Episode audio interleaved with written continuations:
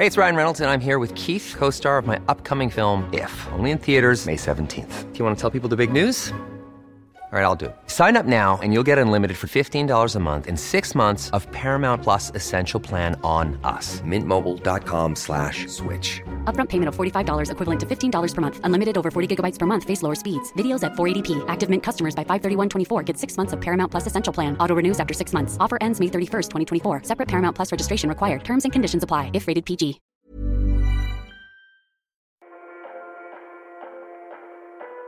Du hører på podkasten Forhandlinger på liv og død. Jeg heter Alexander Nordahl og jobber i Dagens Næringsliv.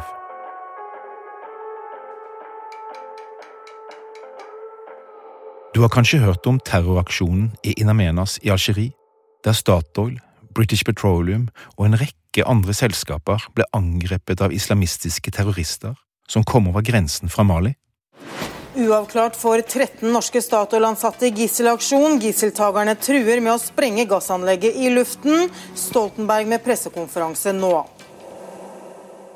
Tidlig på morgenen 16. januar 2013 begynner telefonene å ringe i vaktsentralen på Statoils kontor i Stavanger. Telefonene er fra Inamenas i Algerie. En av de som ringer, er en islamistisk terrorist. Well, okay, listen, I need you to understand something. I don't deal with Algerians. I told you this before. I don't care what happens. You do not deal with Algerian pigs. You bring out somebody from you, from your company. You bring out somebody from uh, Norway. You bring, do whatever you have to do. Du skal få høre mer av disse upubliserte lydopptakene fra forhandlingene senere. Men først skal vi fortelle hvordan det hele startet den morgenen for ni år siden.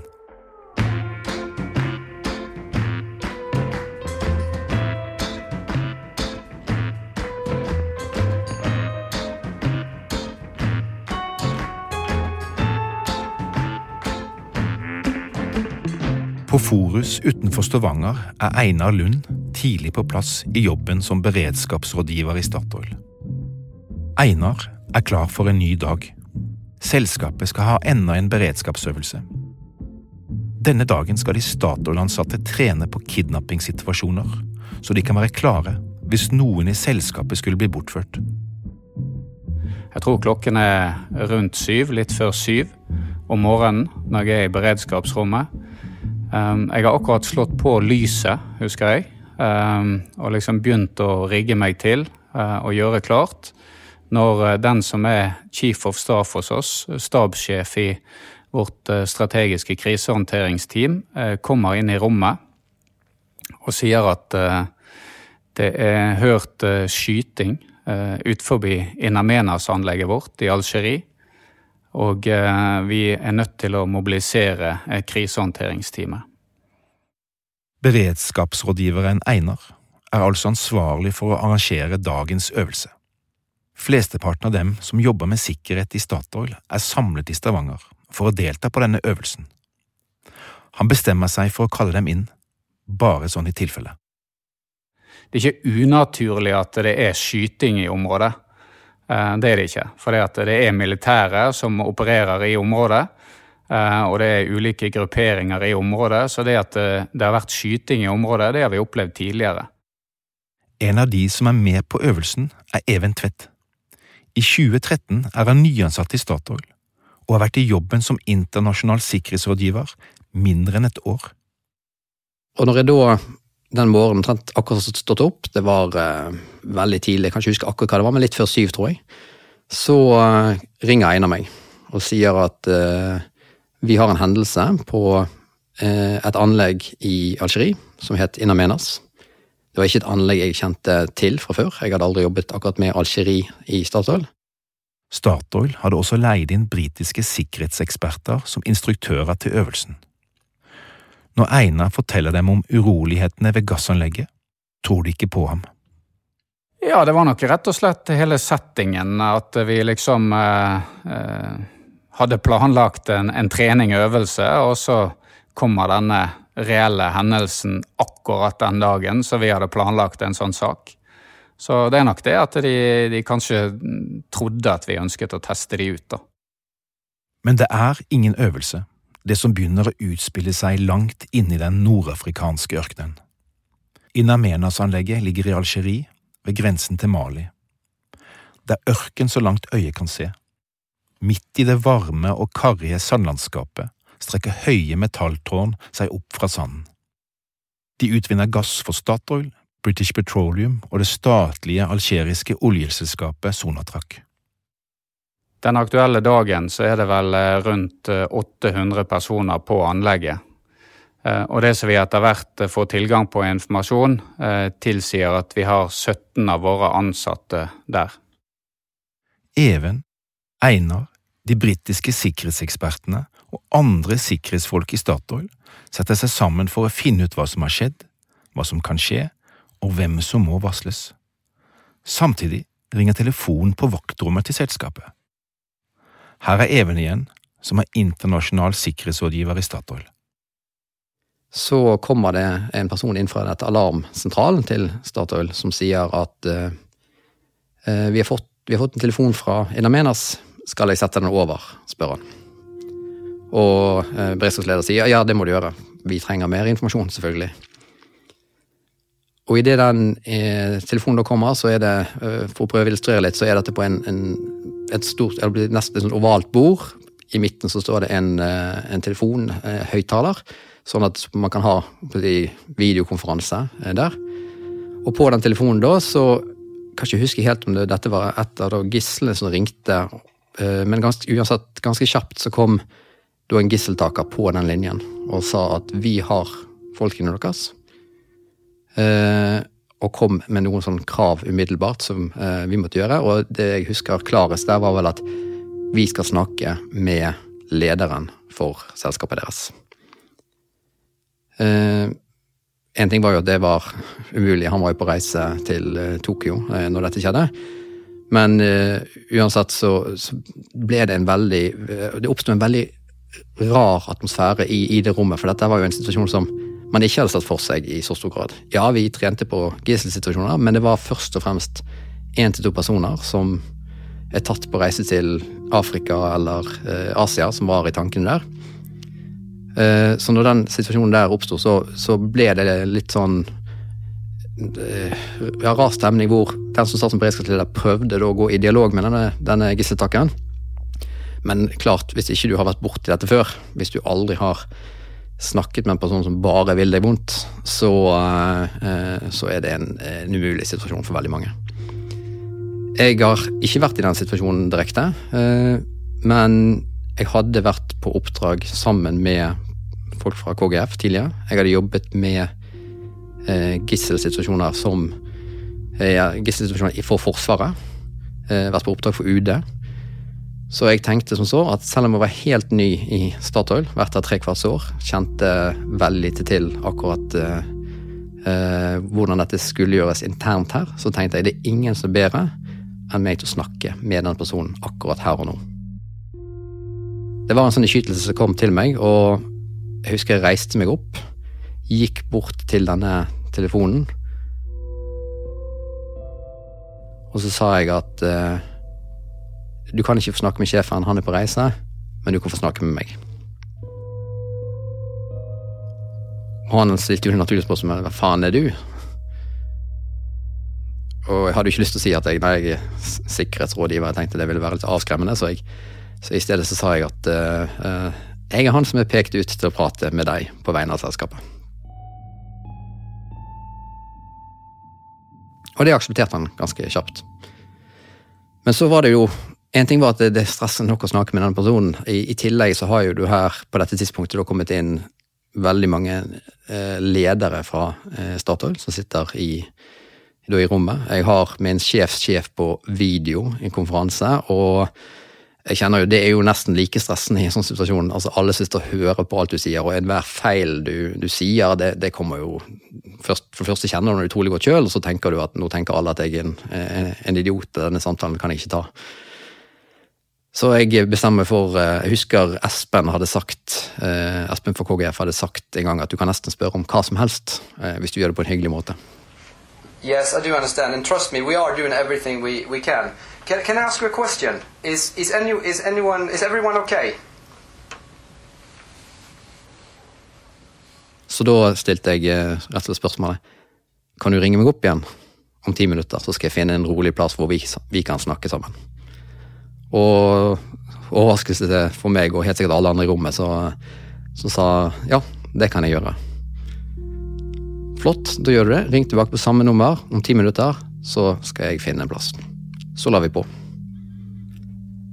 Det første jeg gjorde etter det Jeg tror ikke jeg snakket med noen i rommet om det hele tatt. Jeg bare så blikket til alle rundt det, at her var folk var i vantro.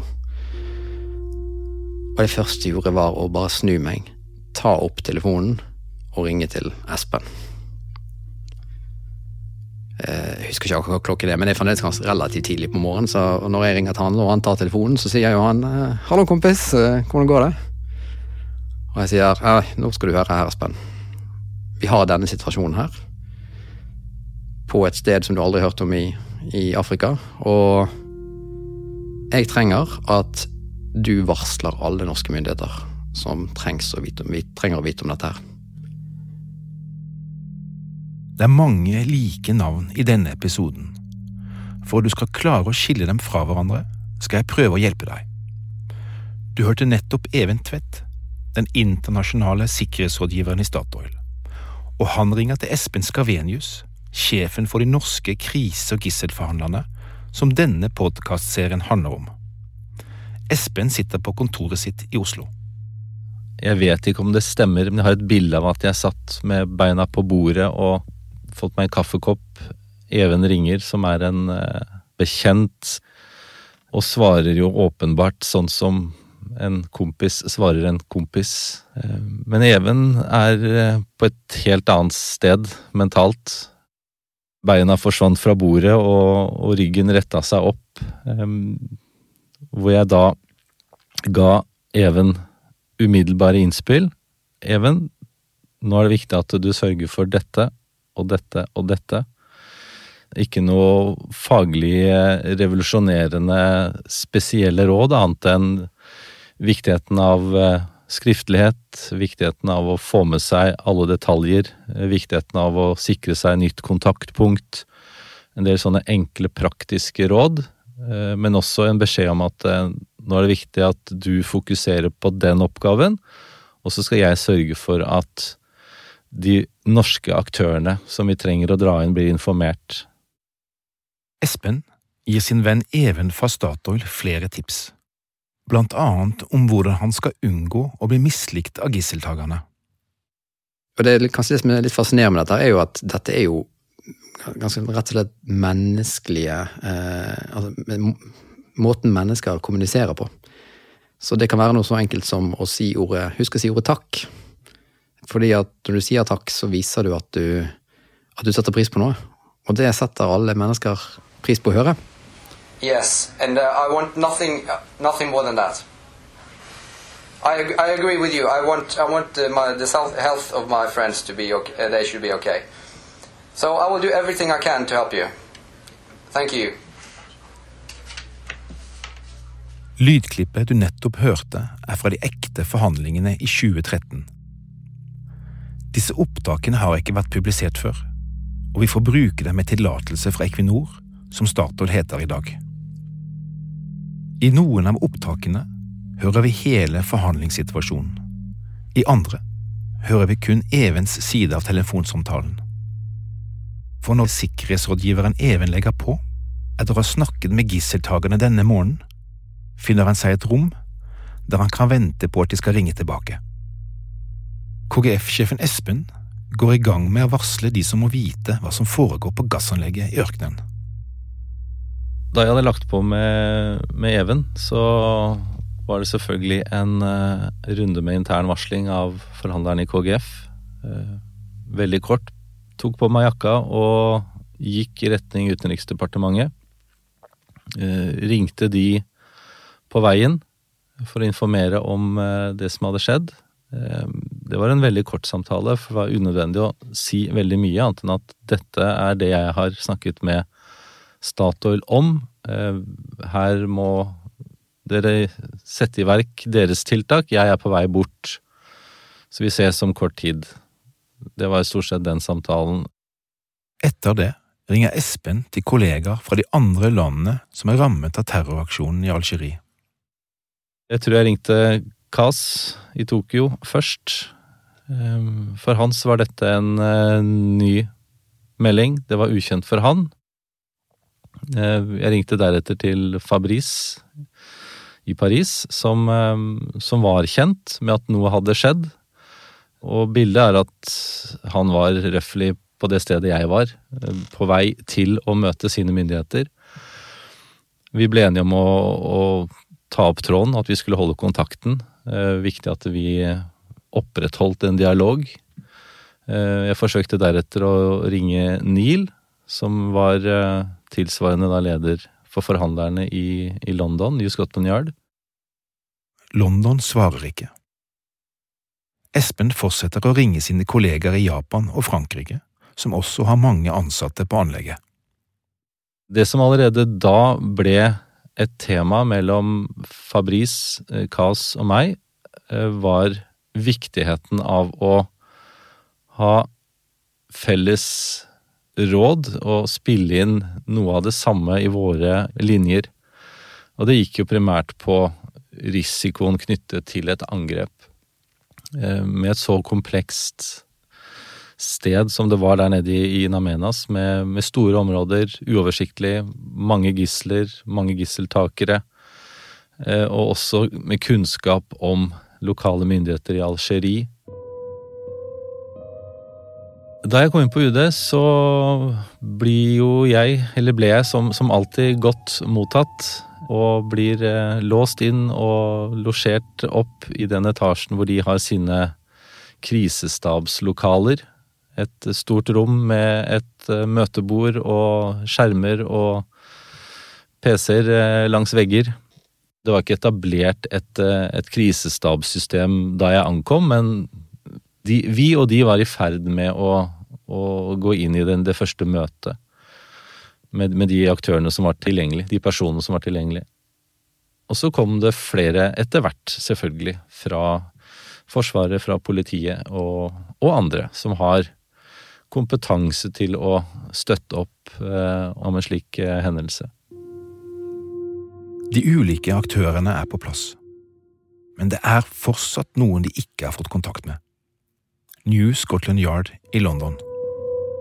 Vi var jo også veldig spent på Storbritannias rolle knyttet til hele aksjonen. Vi skjønte jo at de var en stor aktør, eh, både gjennom BP, men også fordi England er England. De er en storebror på flere måter. Det kom jo oss til kjenne etter hvert at da jeg ringte, eh, umiddelbart etter at jeg ble kjent med saken, så så var jo årsaken til at de ikke svarte, var jo nettopp at de var allerede involvert med sine myndigheter.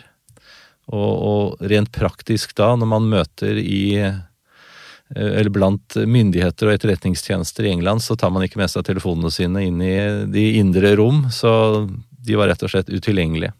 Og det var de i lang, lang tid. Mens KGF-sjefen Espen sitter rundt et stort bord hos Utenriksdepartementet i Oslo, sitter rundt 800 mennesker som gisler i den algeriske ørkenen. Og på Forus utenfor Stavanger sitter internasjonal sikkerhetsrådgiver Even på et lite rom i Statoils hovedkvarter og venter på telefon fra gisseltakerne. Jeg fant meg et, eh, et slags form for stillerom som er Altså Beredskapsrommet i Stavanger er bygget sånn at du har ett hovedrom, du har ett sekundærrom, og egentlig rundt dette området her så har du mindre rom. Med glassvegger ut mot, uh, mot hovedrommet. Og da fant jeg meg et av eh, disse rommene. Fant en telefon der, satt meg ned, tenkte her skal jeg da snakke. Og det var dette rommet som etter hvert ble det vi kalte kommunikatorrommet. Altså det det området hvor vi etter hvert skulle ha all kommunikasjon ut av, uh, ut av Bresrommet mot både gisseltakere og uh, gislene. Nå ringte han ikke opp etter ti minutter. Uh, det, det, gikk ikke så fort. Jeg husker ikke akkurat hvor lang tid det tok før, tok før første telefon kom etter det. Men det var absolutt nok å gjøre i mellomtiden. Statusmøtet skulle jo gjennomføres. Men mest av alt husker jeg spørsmålene som kom er dette en øvelse? Um, vi skulle jo trene den dagen. Vi hadde jo lagt opp til at vi skulle ha en gisselsituasjon som vi da skulle spille rundt i det samme rommet som vi da befant oss. Så vi hadde flyttet den treningen til et annet rom, men eh, gang på gang så måtte jeg si nei, dette er ikke en øvelse. Det var veldig vanskelig for folk å akseptere, og det, det kan jo man forstå at i en sånn situasjon så ønsker man gjerne å tro at dette er en, en øvelse. Og jeg husker jeg ble så sint til slutt og måtte skrike til sjefene. Dette er for faen ingen øvelse. Og det tror jeg var siste gang det, den problemstillingen kom opp. Selv om jeg veldig godt visste at er du kommunikator, har du tatt på den rollen eller havnet i den rollen, at den som skal snakke med gisseltakerne, så er det den rollen du har. Du har ingen andre roller. Eh, du må være til stede i samtalen. Du må i ettertid formidle hva som ble sagt. Du må eh, forberede deg til neste samtale. Men der og da, så i og med at ikke den samtalen kom når jeg trodde han skulle komme, så tok det ikke fryktelig lang tid før jeg var tilbake i beredskapsrommet. Min gamle arbeidsgiver, Marinekommandoen, de tok kontakt med meg og sa denne situasjonen her, er det noe vi kan gjøre? Så jeg husker jeg sa til han, jeg trenger å vite hvem som står bak dette her. Og jeg tror ikke det gikk mer enn en time, jeg, altså, så hadde jeg fått alt det de hadde klart å samle på åpne kilder om Algerie, Mali og jeg tror allerede i første eh, informasjonsflyt så sto vel Mokta Som var den personen som i ettertid tok på seg ansvaret. En annen ting som jeg eh, husker hva jeg måtte gjøre, var å ta kontakt med Etterretningstjenesten. De hadde jeg god kjennskap til fra jobben min i Forsvaret. Og jeg ringte til dette eh, operasjonssenteret deres på Lutvann. Og fortalte jeg at dette har skjedd. Og jeg husker veldig godt eh, Kan du sende oss en mail på det? jeg husker det, Den setningen var, var, veldig fin. Det er klart det er jo smart for å unngå, eh, for å unngå misforståelser, men eh, akkurat der og da så følte jeg at det å satse ned og skrive mail, den, den var spesiell. Det har gått langt mer enn ti minutter, og gisseltakerne har ikke ringt tilbake. Men så ringer det. Hello, this is Evan. I am good, thank you. How are you? Etter hvert så kom jo telefonen inn. Jeg tror den første holdt vi nesten på å miste. Eh, rett og slett fordi at jeg ikke satt foran den telefonen. Fordi jeg løp rundt og, og prøvde å, å, snakke med alle og enhver. Eh, I tillegg til å være da den som hadde påtatt seg rollen som kommunikator, så hadde jeg da på dette tidspunktet ansvar for all kommunikasjon med norske myndigheter. Var Forsvaret, eh, Etterretningstjenesten og Utenriksdepartementet. Men selv om Even nesten gikk glipp av det første anropet, skulle han sitte mye i forhandlinger de to neste dagene. Og det blir beredskapsrådgiveren Einar Lund som tar over kommunikasjonen med blant annet Forsvaret, Etterretningstjenesten og Utenriksdepartementet. Og uten at jeg husker nøyaktig hvor mange samtaler vi til sammen hadde, så tror jeg vi Jeg tror vi passerte 25-30 samtaler totalt, hvis du tenker på kommunikasjon med gisseltakere og eh, gisselet. Men de sentrale samtalene med gisseltakerne og, og, og, noen av gislene som eh, jeg hadde, det var, eh, det var ikke så fryktelig. Det var en sånn 11-12 samtaler i løpet av eh, de neste, det neste døgnet, halvannet. I, have been talking to, uh, as you know, I am Norwegian, and I've been talking to the Norwegian authorities, and they have contacted Algerian authorities and told them uh, to follow your uh, demands. The government will listen more if you look after our people.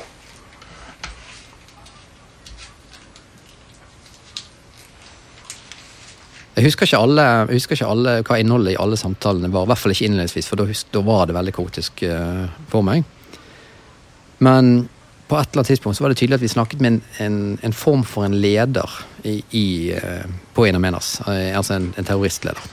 Han hadde noen krav til oss som eh, først og fremst gikk på at vi skulle fjerne eh, algeriske militære.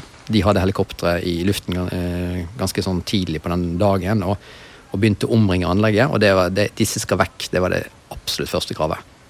Yes, I do understand, and I, make, you, we are doing everything we can to try to uh, to try to influence the Algerian authorities. But there is only so much we can do. Uh, you are,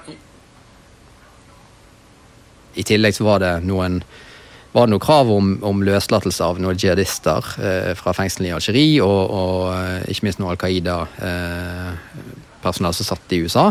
Eh, men først og fremst var det å få disse unna. Det er det viktigste for de nå. Det, og når vi snakket, så kunne vi høre helikoptrene i luften. Yes, we are trying to tell them to, to back off. We are trying to tell them to get away from there. But we are only a company.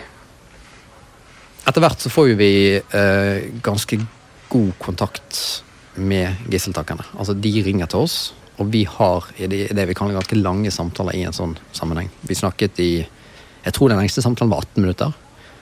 Og så kan man gjerne diskutere hvorvidt det er en samtale. Det var fryktelig mye skriking. Det var fryktelig mye trusler. Og da måtte jeg da sitte i, i den samtalen og prøve å dra den uh, dit jeg ville, så godt som mulig. You're trying to convince me that you can't tell these friggin' dogs to get out the way? But uh, yeah, but uh, we, we have to. dogs anyway. They have, they have to, 120 soldiers, 180 soldiers sitting, protecting, just sitting here protecting an oil thing. They're Selv om det, det hovedsak var trusler, det var skriking, det var eh, vanskelig å høre, så, så husker jeg at han kalte meg med fornavn, og husker spesielt én samtale som avslutta med en 'have a good one', Even. Uh, så, så det var en, si, relativt sett en rekke gode samtaler med gisseltakerne. Men dette var mennesker som eh, forståelig nok var i en utrolig presset situasjon på, eh, på anlegget. Altså de ikke nok med at de hadde tatt gisler, og for alt jeg vet var dette første gang de var med på sånt oppdrag, det, det vet jeg ikke, men i tillegg så var de i ferd med å bli omringet av asjerske algeriske militære. Så det var det at de, eh, dette var høyaktiverte mennesker, det tror jeg vi kan si ganske klart. Og, og det var eh, til tider eh, banning, det var eh, fascinerende bruk av, eh, av språk som, som hvor eh, vi var alt fra eh, hunder til, eh, til imperialister omtrent. Altså jeg kan ikke huske alle ordene som ble brukt, men det, det var mye skriking, og det var mye trusler. I noen av samtalene Even fra Statoil har med gisseltageren, høres det en høy alarm. Yeah. Okay? Yes. There's uh, at the housing area. Yes. Okay? My group, half of my group is in the housing area. Yes. Okay? Andre ganger er alarmen av. Han forstår ikke hvorfor. Så får Even seg en overraskelse. Alarmen blir ikke skrudd av og på. In Amenes-anlegget består av ulike områder. Cirka tre kilometer unna gassanlegget ligger boligkomplekset, hvor de som jobber ved anlegget sover og spiser.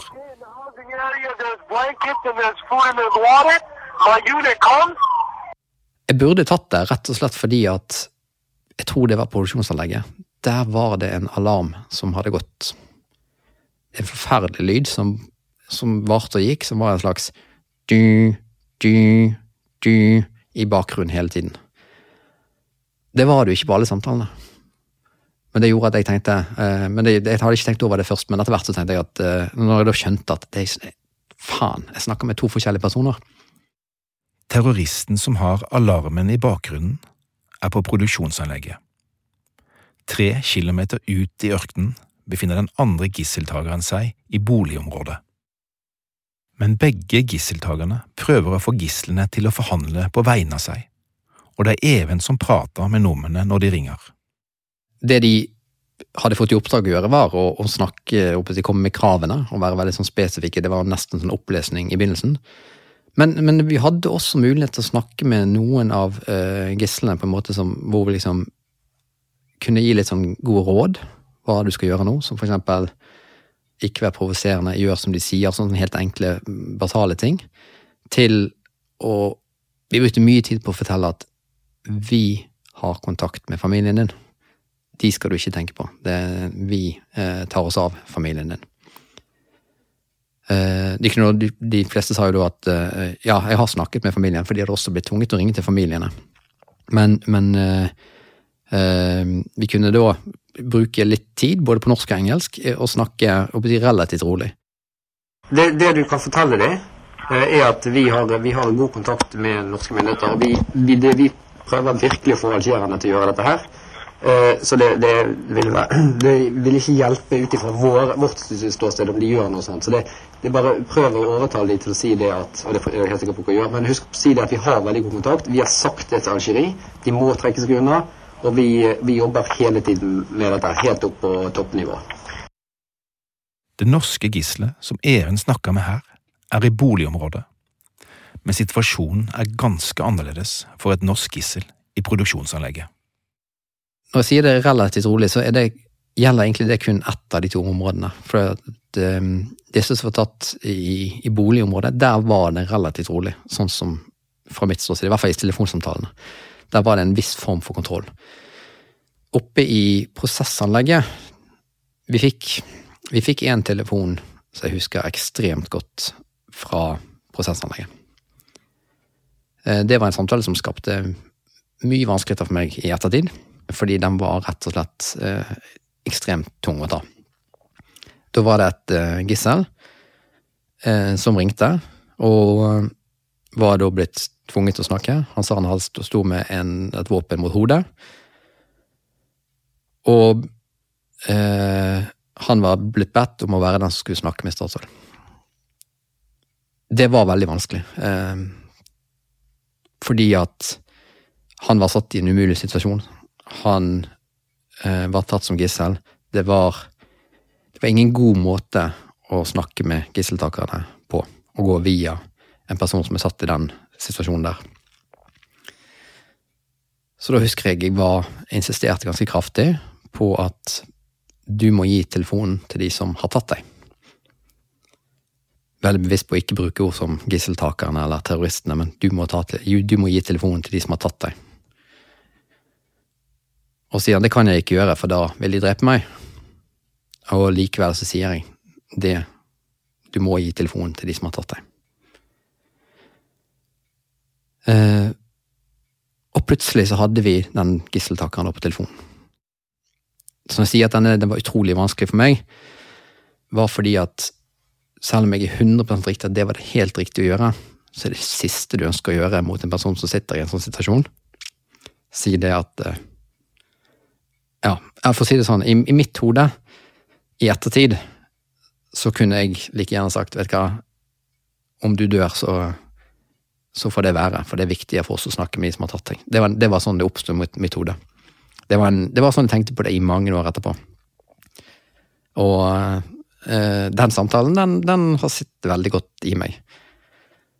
Det var først øh, egentlig øh, mange år seinere at jeg gikk til en psykolog og fortalte om dette her, og han sa men du må høre på denne samtalen. Har du tatt opptak av disse samtalene? Så, så jeg eh, jeg sa det vil jeg ikke gjøre. Eh, jeg har hørt det før, jeg har hørt det mange ganger før, så jeg har ikke behov for å høre den samtalen igjen. Så han sa det, Hadde unnvikelsesstrategi vært en god strategi, så hadde alle brukt den. Så du har, eh, du har vært så god å høre på den samtalen. Og når jeg da har hørt den, hørte den samtalen der etter mange år, så var jo han langt ifra så ille som han blitt i, i, mitt hode. Det var, jeg tror det var det som var i mitt hode en femminutters samtale hvor jeg sier uh, Hvor jeg like gjerne kunne sagt at uh, uh, uansett konsekvens så skal du gi telefonen til de som snakker med deg. Så er det en samtale hvor jeg etter ni sekunder finner ut at her må du faktisk gi telefonen til noen andre, og det skjer i løpet av de neste 11-12 sekundene. Så det viser litt hvordan hjernen kan spille inn en puss i en sånn situasjon og som for min del fikk faktisk ganske store konsekvenser ved at jeg ikke tok tak i det tidligere. Som du skal få høre straks, førte dette valget til en lang samtale med terroristen. Det viser seg å være et viktig valg. Når han først hadde gitt denne telefonen til, til gisseltakerne, så, så, fikk vi en helt annen tilgang til, til de som hadde tatt dem, og vi fikk en helt annen tilgang til å forstå hva som skjedde, eh, hva de ønsket, og vi fikk til lange samtaler etter det. Uh, who, who, was, who, was, who was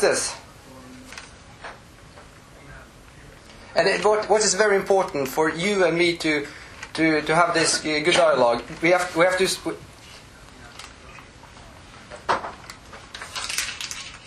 Yeah, that's the yes. That would not, yeah, that would not be a good thing. So we need to, we need to figure this out definitely. We, Yes. Så det var etter det disse, disse 18-19 minutters samtaler begynte å skje.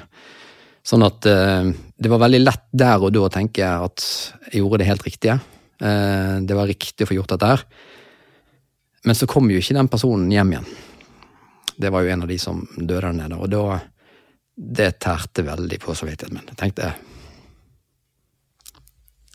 I en sånn situasjon Du ringer hjem til, til de som skal hjelpe deg, og så og så får du rett og slett den at jeg kan ikke snakke med deg.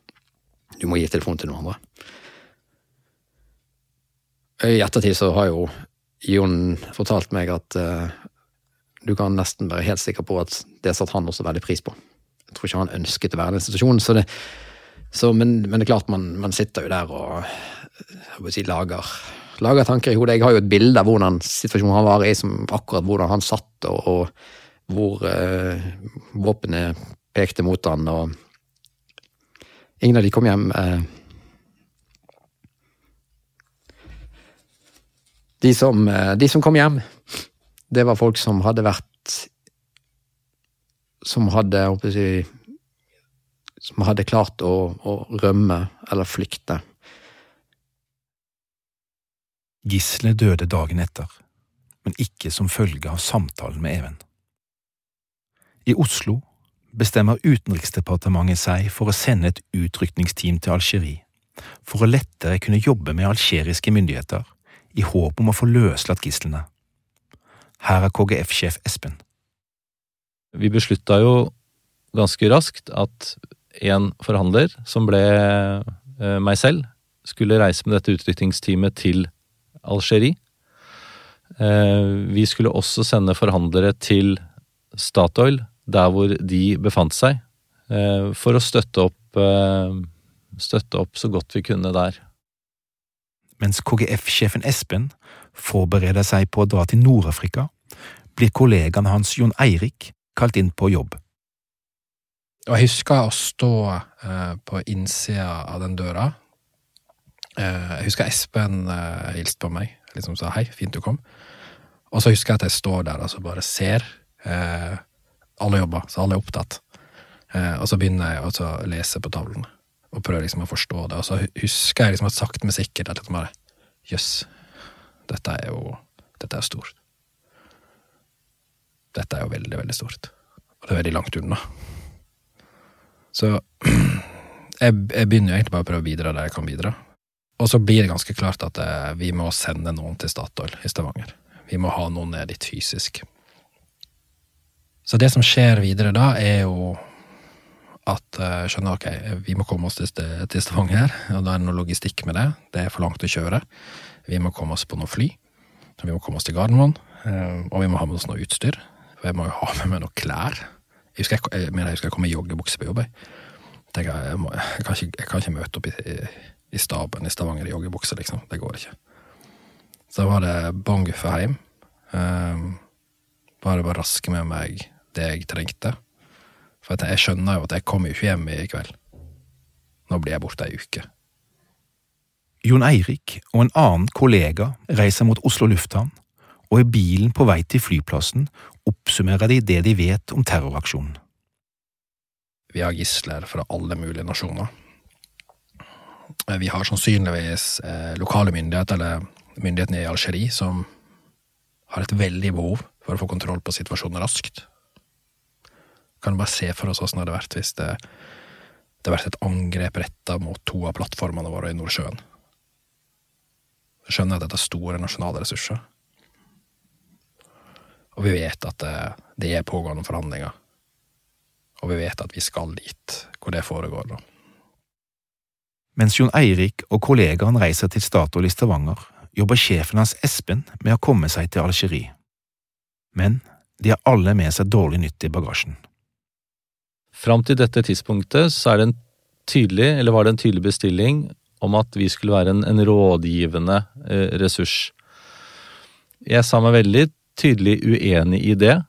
Jeg fikk ikke en tydelig ordre om å ikke gjøre noe.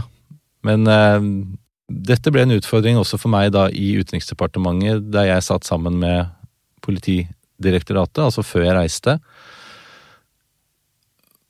med en igjen tydelighet om at nei, dere skal kun sitte på sidelinjen og observere og komme med et og annet råd. Med denne beskjeden fra sjefene i Oslo ankommer Jon Eirik og kollegaen hans Statoil i Stavanger. Der blir de fulgt inn dit hvor Even, Einar og de andre beredskapsfolkene jobber. Jeg husker òg veldig godt eh, når jeg kommer inn i stabsrommet der. Vi var jo veldig spente på hva som skulle møte oss. Er det kaos? Løper man rundt? Eh, er man rådville? Er det Ja, altså hvilken stemning er det som er inne i det rommet der, husker jeg. Når vi står og venter på at den kodedøra skal gå opp, da. Når vi går inn der.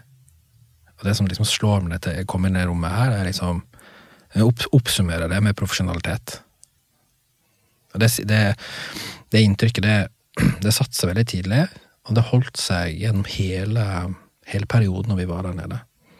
Det var, en, det var en ro i det stabsrommet, og vi blei umiddelbart satt i kontakt med eh, den delen av eh, Statoils beredskapsorganisasjoner som allerede nå satt og jobba litt med den utfordringen de hadde, og det var det at de, det var familier. Det var arbeidskollegaer som fikk telefoner fra gisler. I tillegg til de tingene som da gikk inn til Statoil.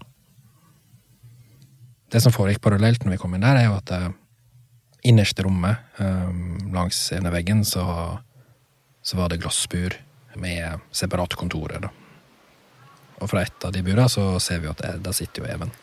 Yes, I will, sti I will still uh, try to, to help you. I will do everything we can to help you. We have the same we have the same goal here. That is very important to remember. Jeg skjønner at ok, det er der telefonene til eh, både terrorister og gisler eh, går, da. Altså de anropa som går inn til Statoil, de går dit. Det var helt åpenbart. Glad for å se Even. Jeg hadde jo kjent han i noen år allerede. Fra både Statoil-relasjoner og så andre relasjoner. Og visste jo at eh, han, han var og er en kompetent fyr. Så mens Even sitter og forhandler med terroristene, starter Jon Eirik og den andre kollegaen fra KGF med andre oppgaver. For hva venter familiene til gislene? Hva skal de si når de ser at eh, det er deres eh, sønn eller bror eller ektemann som ringer? Enten fordi at han eller han gjemmer seg, eller fordi at han er tatt som gissel. Hva skal far, mor, søster, kone si? Og ganske raskt i det møtet så ble det liksom klart at eh, eh, Statoil kun gjennom sitt callsenter eh, De hadde ressursene til å nå alle disse veldig, veldig raskt. Så det handla jo i stor grad om å ok, vi må lage et eh, manuskript, da. Et, eh, en liste, talepunktliste, som kan gis til det callsenteret. Som de da kan effektuere ganske raskt, da, og få ringt ut. Mens folkene fra KGF setter i gang, sitter Even fortsatt inne på det lille kontoret med glassvegger og prater med gisler, gisseltagere, eller bare venter på at telefonen skal ringe igjen. Han snakker både norsk og engelsk med gislene, mens samtalene med gisseltagerne foregår på engelsk. I ettertid har han tenkt en del over dette. Det språket jeg brukte eh, under samtalene med, med gisseltakerne det, det første var jo veldig naturlig å gå på engelsk. Eh, De snakket engelsk, eh, og jeg svarte på engelsk. Og, men nå snakker jo jeg eh, arabisk, eh, utdannet igjen Forsvaret, og, og snakker det jo egentlig helt flytende. Men akkurat den dagen der så tørde jeg aldri snakke arabisk. Og det er en av de tingene jeg angrer litt på at jeg eh, ikke gjorde. For eh, jeg tror det hadde vært en veldig fin måte å skape enda bedre eh, tilknytning, eh, eller rapport, som det heter, da. Eh, enda bedre relasjon med gisseltakerne. Hvis jeg kunne vist at du er en som Du gjør dette her i, i, islams navn. Du er en islamist. Hvis jeg kunne vist at jeg faktisk kan sitere både Koran og, og snakker eh, arabisk, så tror jeg det hadde vært en veldig, eh, veld, veldig sterkt signal å sende. Eh, men jeg var så redd for at det, ytter, det stresset som da ville komme i tillegg til situasjonen jeg var i, det var jeg så redd for at skulle eh, gjøre at jeg ikke klarte å mestre situasjonen. Så eh, ja, jeg, eh, jeg angrer litt på det i dag, at jeg ikke, at jeg ikke snakket eh, arabisk. Eh, men eh, jeg tror nok det skinte gjennom forståelsen med kulturen. og sånt, Det tror jeg skinte gjennom. Men det var engelsk det gikk på hele veien. Okay, okay. But, but you can reach me whenever, and I can call you uh, uh, when I have some more. And in between, please, uh, please take care of our people. Sånne små og store avgjørelser i samtalene med terroristene må Even ta alene. De profesjonelle forhandlerne står utenfor, uten mandat til å hjelpe Even unna forhandlingene. Vi to som var fra KGF i Stavanger, vi kjente jo naturlig nok på en, eh, en frustrasjon knytta til at eh, vi ikke kunne gjøre alt det vi kanskje hadde ønska å gjøre. Det er jo ingen tvil om det. Det er vel ikke tvil om at de ønsket å hjelpe. For uh, jeg har et sånt bilde i hodet mitt den dag i dag som er veldig illustrerende.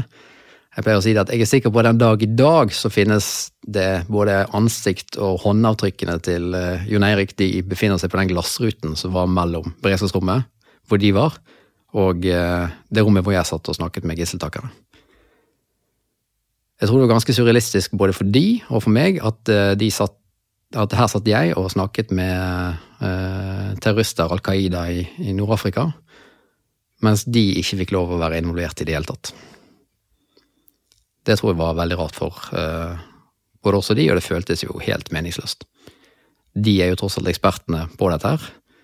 Jeg følte at ja, kanskje det var best å gjøre den jobben akkurat i Statoil, men eh, jeg skulle jo gjerne sett at eh, en av de satt i samtalen, eller i hvert fall satt ved siden av meg når jeg, når jeg pratet med terroristene. Timene går. Even i Statoil har holdt på siden tidlig på morgenen. Men det er han som har kontakt med gisseltakerne, så han må holde det gående. Selv om kveld blir til natt. Veldig seint dag én, altså den 16. januar, hvis hukommelsen min er riktig nå, så, så har vi en lengre samtale. Den som kommer med det kravet, er ikke de som er i boenheten, det er den personen som jeg snakker med på prosesskontrollanlegget. Så han sier at nå kommer det kom en kolonne med biler fra boenheten ned til prosessanlegget, og de kommer, og de, for at de skal komme si, helskinnet frem, så må vi få vekk det algeriske militæret. Ellers kommer de til å begynne å skyte på denne kolonnen. Okay, so what I want, what I need you to do now is tell the Algerians to make way.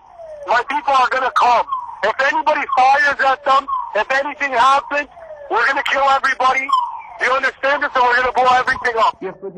Vi var ganske, eh, var ganske klar på at vi kommer til å flytte oss uansett, selv om dere får de vekk eller ikke, og da kommer folk til å dø. Og det trodde jeg han helt og fullt på. Det viste seg også å være det som faktisk skjedde. altså Når du hadde en kolonne kjørte fra boenheten til, til prosesskontrollanlegget, så ble de angrepet fra helikoptre, helikoptrene til algeriske militære. Og da Det var jo der eh, veldig mange omkom. Eh, de var vel en over 30 stykker som satt i den kolonnen av, av gislene, så vidt jeg husker. Og han var ganske klar på at få vekk disse her, og det må gjøres innen jeg tror fristen var 30 minutter. I understand, but you must.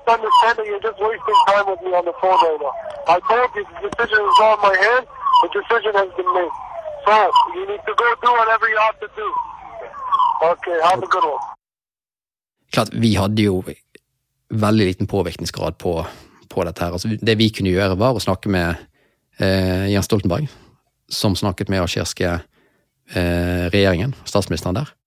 Jens Stoltenberg var statsminister i 2013. Sånn at når vi hadde møter med statsministeren, så selv om ikke vi kunne snakke om akkurat den informasjonen på enten det var videokonferanse eller ansikt til ansikt, så visste vi at vi vet akkurat det samme.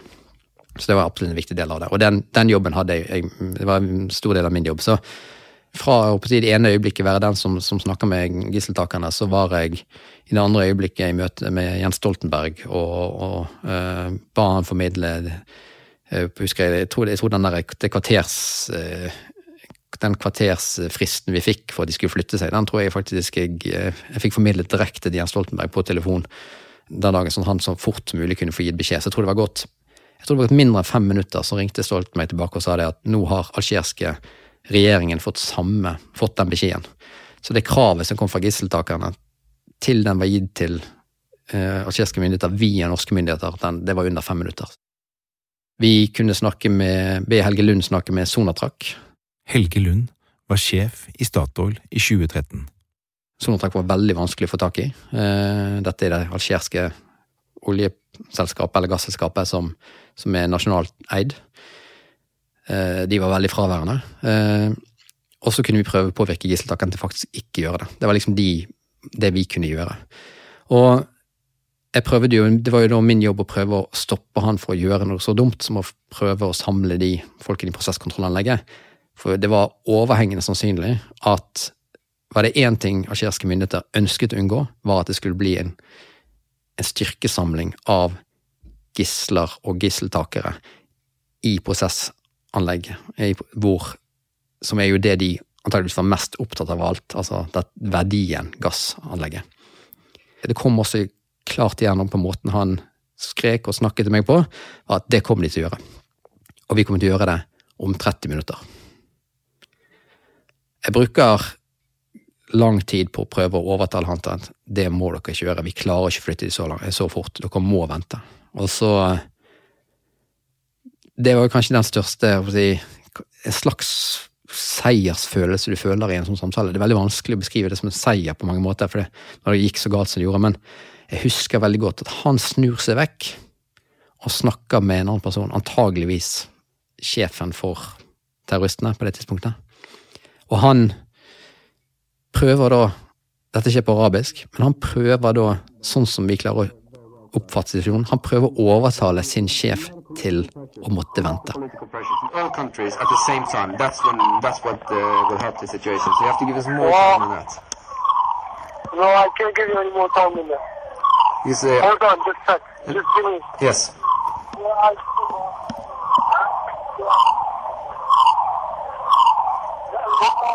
Vi klarte å overbevise han, og så prøver han å overbevise sin sjef, men han kommer tilbake fra den, fra den pausen vi hadde i vår samtale, og sier at eh, men nå har du et kvarter.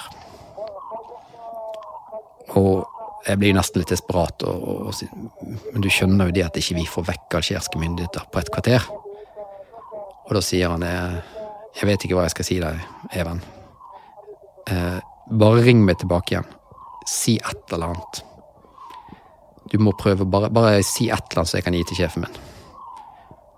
Eh, så sier jeg ja, det skal jeg gjøre. Det, det er en avtale vi har. Det, det som jeg husker eh, eh, veldig godt fra den siste samtalen med han gisseltakeren, er jo at på det tidspunktet har vi vel en trussel om at de skal drepe gislene. Og det kommer til å Det skal de gjøre innen et kvarters tid, tror jeg.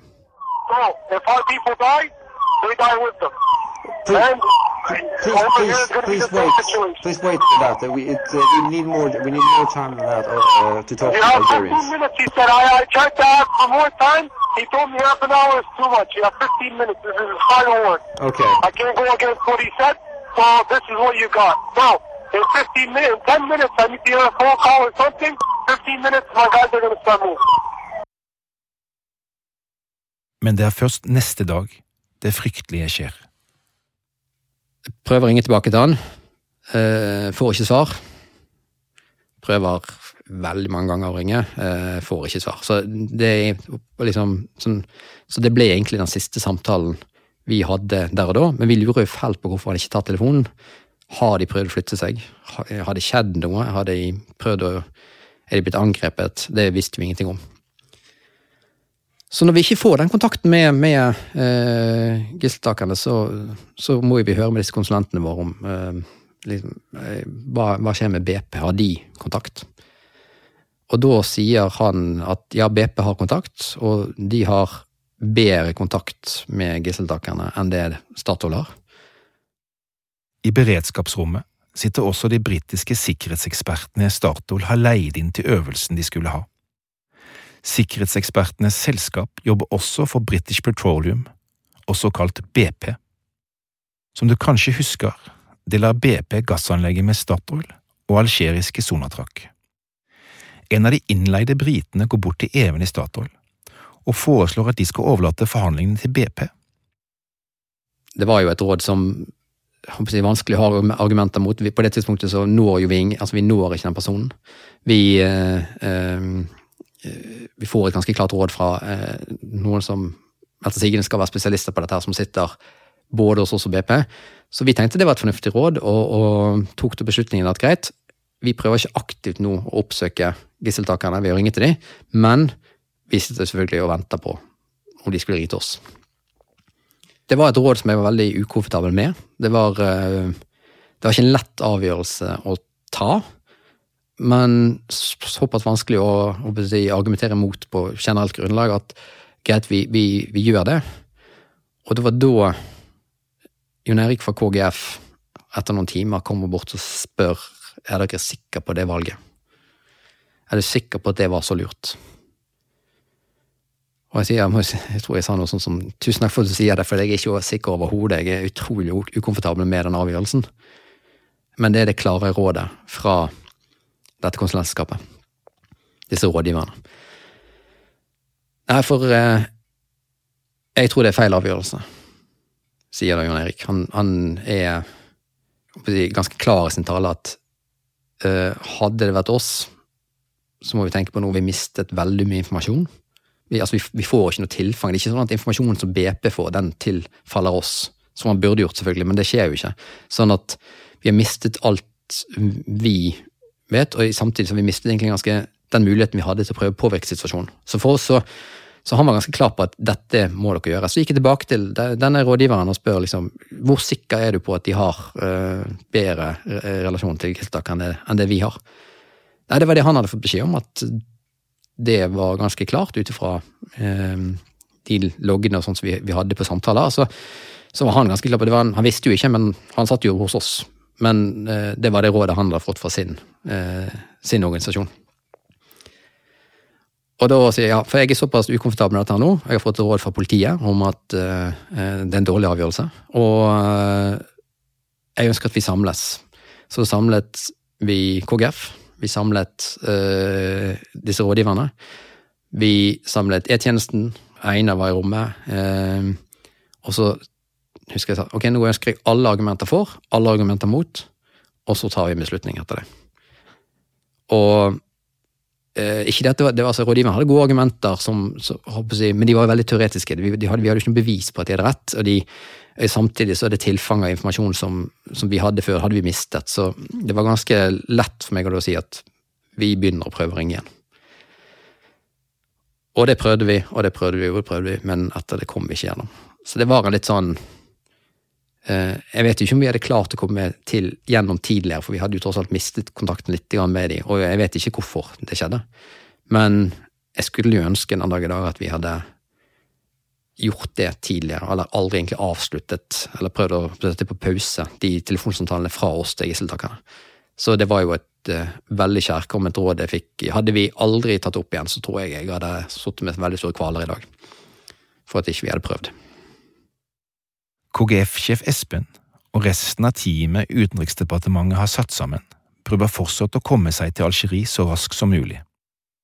De vil gjøre alt i sin makt for å redde nordmennene som blir holdt som gisler. Det blir ikke lett. Når går første fly?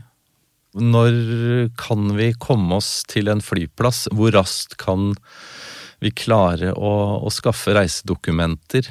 Eh, hva slags pass trenger vi? Skal vi reise på vanlig reisepass? Vi er også underlagt en beredskapsordning hvor vi er forpliktet til å skulle kunne sitte på et fly innen fem timer.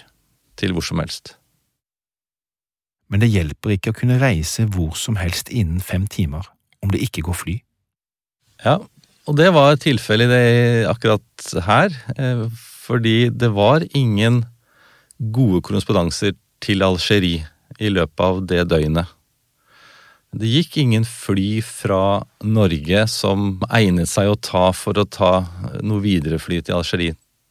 Da er jo det neste spørsmålet, hva kan AS Norge finne fram av muligheter? Ehm, her kom Forsvaret på banen og skaffet til veie et eh, fly. Så kommer natten og senker seg over Stavanger, der Statoil sin krisestab sitter. Her er forhandleren Jon Eirik fra KGF. Det er spesielt å gå og legge seg eh, i sånne saker.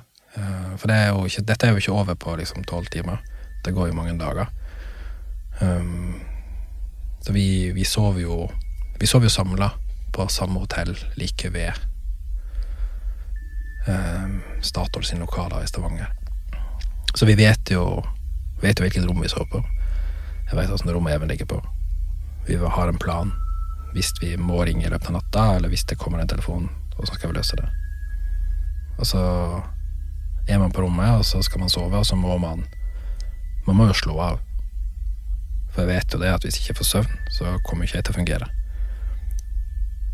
Og da husker jeg Husker jeg så på TV, skulle sove, så tenkte jeg liksom ok, jeg har for mye i nå, jeg må liksom gjøre noe som liksom kan distrahere meg litt, da. Så selvfølgelig, jeg tar en dusj, det vet jeg er smart. Jeg spiser noe mat, det vet jeg er smart. Legger meg i senga, merker at tankene begynner å gå. Ok, jeg slår på TV-en. Finner Dum og dummere. Første jeg gjør når jeg ser filmer, er at jeg kan ikke sitte og se på komedie nå. Det blir for dumt. Men alle andre alternativer på TV-en er jo nyhetssendinger. Og det, jeg, det gjør meg ikke noe godt akkurat nå. Så blir jeg sittende og se på Dum og dummere. Uten å le, da.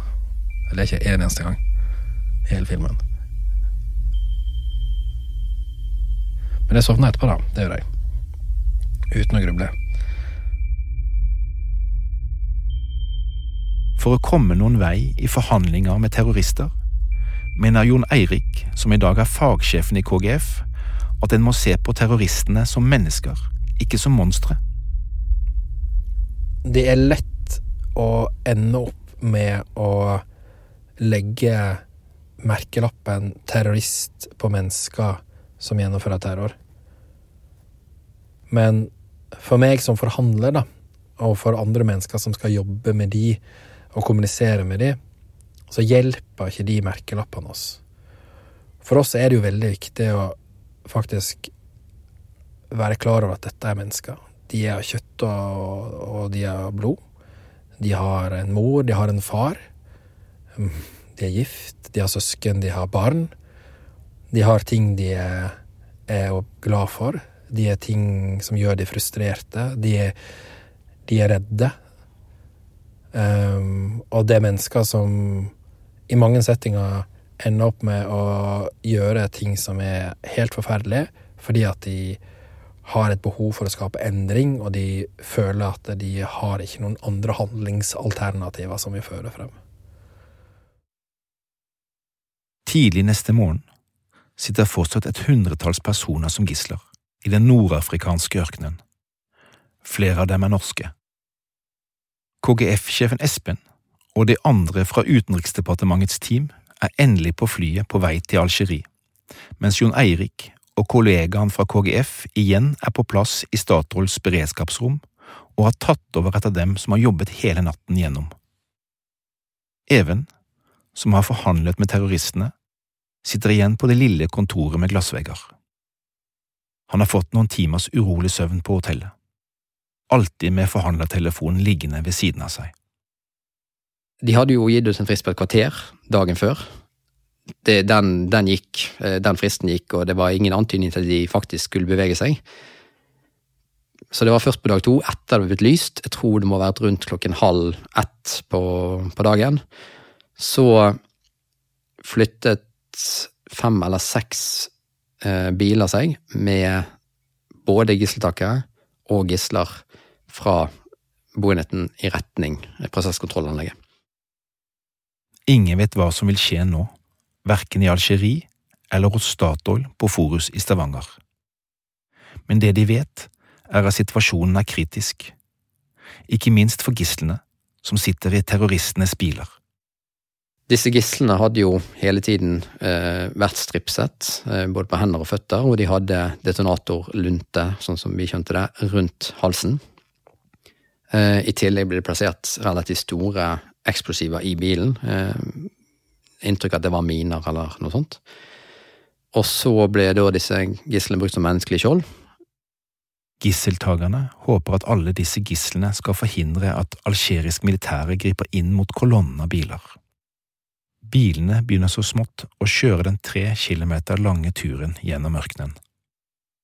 De kjørte fra boenheten mot i retning prosesskontrollanlegget, og det var da de ble angrepet av eh, disse algeriske helikoptrene, som da virkelig gikk løs på disse kjøretøyene.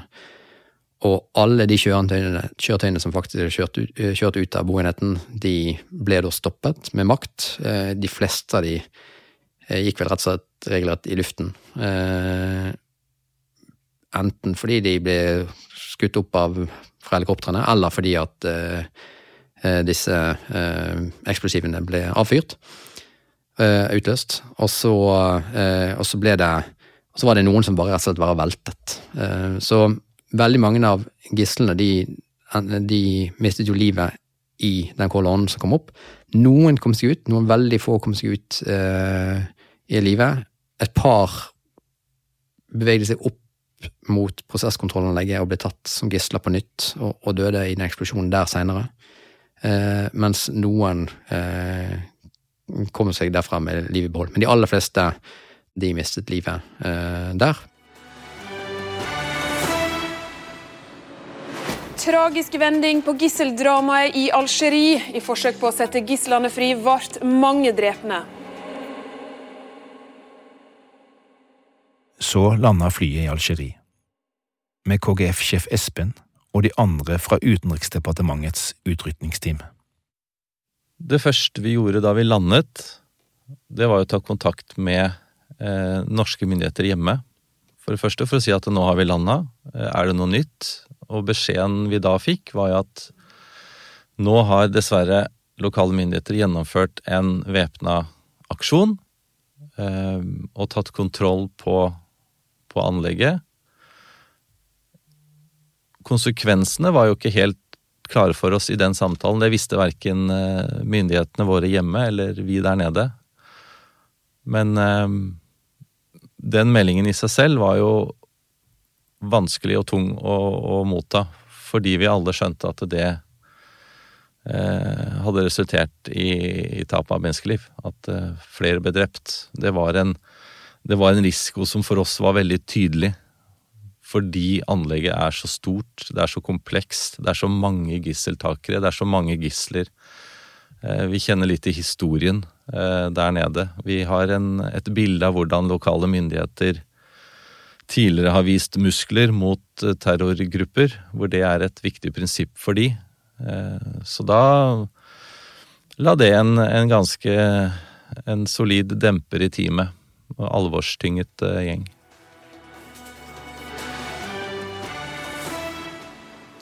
Velkommen til eh, Dagsrevyen. Ja, Gisselaksjonen er altså over i Algerie, og det ble en blodig avslutning inne i gassanlegget i ettermiddag. To nordmenn til er i sikkerhet, men situasjonen er fremdeles uklar for seks nordmenn. Ja, og Ifølge myndighetene i Algerie skal gisseltakerne ha begynt å drepe gisler da militæret startet den siste aksjonen. Dagene går, og beredskapsrådgiveren Einar og de andre i beredskapsrommet i Stavanger har jobbet tett sammen i mange døgn. Litt etter litt får de meldinger om hvem av kollegaene i Inamenas som lever. Da terroraksjonen startet, skrev de 17 kollegas navn på en tavle. Etter hvert har de visket ut navnet på dem de får bekreftet lever. Til slutt er det fem navn igjen. Fem navn på kollegaer som aldri kom hjem igjen. Vi lar beredskapsrådgiveren Einar Lund, han som fikk den første beskjeden om terroraksjonen, fortelle. Og så er det veldig spesielt dette med å liksom sitte med den følelsen av at vi ikke fikk alle hjem. Det at, det at vi sto igjen med fem på tavla når vi demobiliserte beredskapsorganisasjonen, det, det sitter ganske tungt. Det er ganske hardt å svelle i sånn i ettertid at, eh, at vi ikke klarte å, å bidra til at alle kom hjem. Og for KGF ble dette en tung lærdom. Her er Espen, som var sjef i 2013. Evalueringen etterpå var jo tydelig fra vår side. Det var også tydelig fra, fra Statoil. Eh, det ønskes fra flere hold, eh, med faglig god begrunnelse, at forhandlerne skal være tettere på og ha en mer aktiv rolle. Så i hendelser etter dette så har eh, forhandlerne nå en, en annen funksjon, en langt mer aktiv rolle enn det de hadde tidligere. Så i den forstand så var Inamenas en, en, en game changer. Vi lærte mye av hendelsen i Inamenas. Det veit jeg, vet jeg mange gjorde. Både her hjemme i Norge og andre steder i verden. En av de tingene som kanskje står igjen som sterkest for vår del, er jo viktigheten av at forhandlere får tildelt et, et fleksibelt mandat.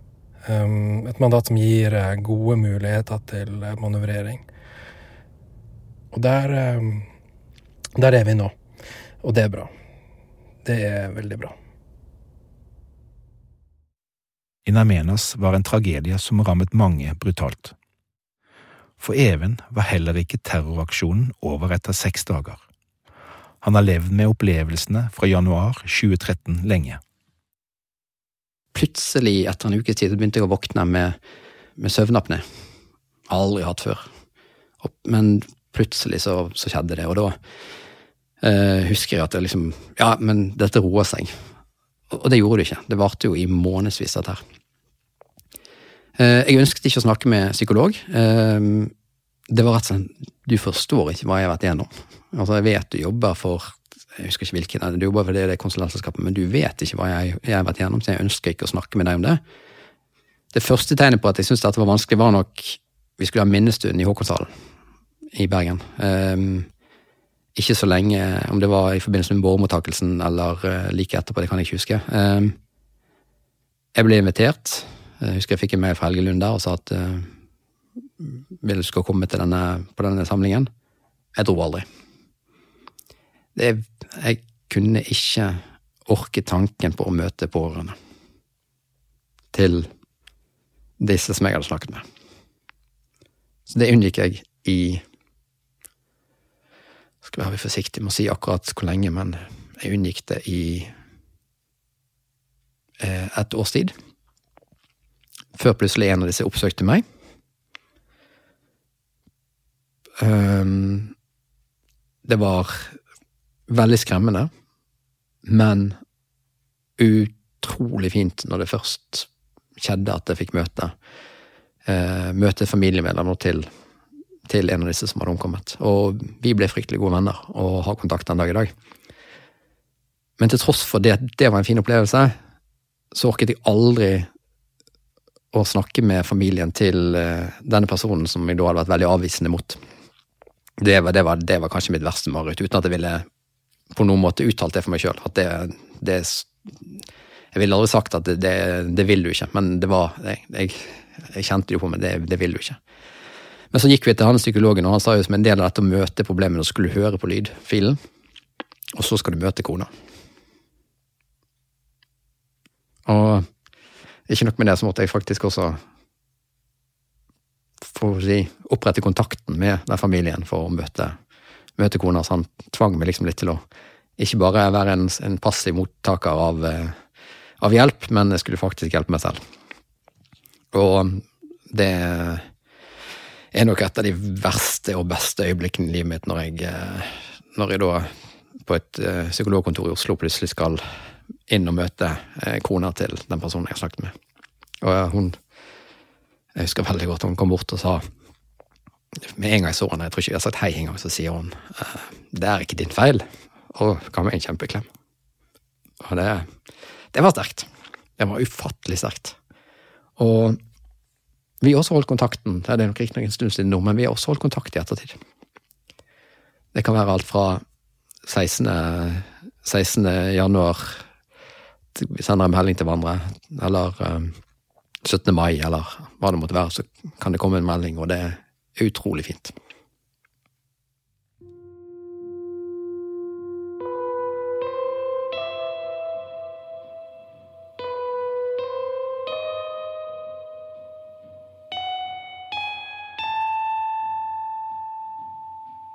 Den nyansatte internasjonale sikkerhetsrådgiveren i Statoil, Even Tvedt, er i dag konserndirektør for sikkerhet i Kongsberg Gruppen.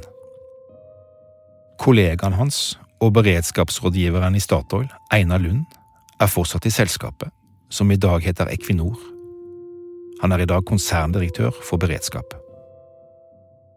Forhandleren Jon Eirik jobber fortsatt i KGF med forhandlinger, og er fagsjef der. Espen Skavenius, som i 2013 var lederen for politiets krise- og gisselforhandlertjeneste, jobber i dag som sikkerhetsrådgiver i et internasjonalt selskap.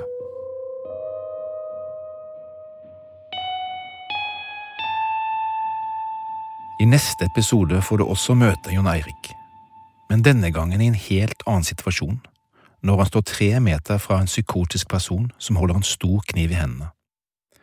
Hvordan skal du overbevise et menneske til å gi fra seg kniven når personen hører helt andre stemmer enn din, er livredd og er overbevist om at du er farlig? Kan vi legge fra deg kniven, vær så snill? Ja, du har en kniv i høyre hånd. Jeg blir litt bekymra av den, skjønner du. Jeg har ikke noen kniv! Å, ja.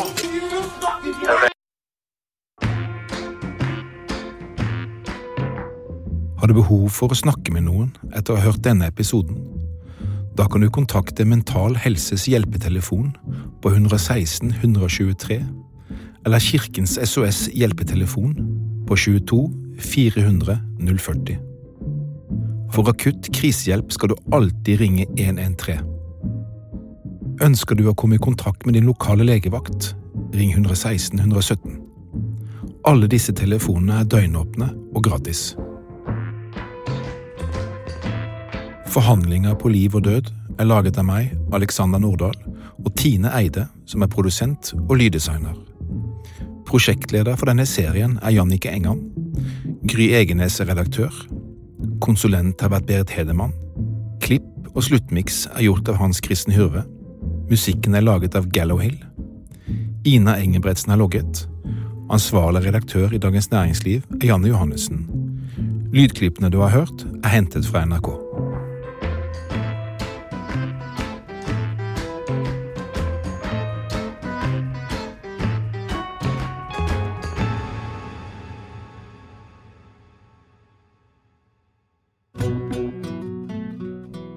Hør DNs podkast. Hi, I'm Daniel, founder of Pretty Litter. Cats and cat owners deserve better than any old fashioned litter. That's why I teamed up with scientists and veterinarians to create Pretty Litter. Its innovative crystal formula has superior odor control and weighs up to 80% less than clay litter.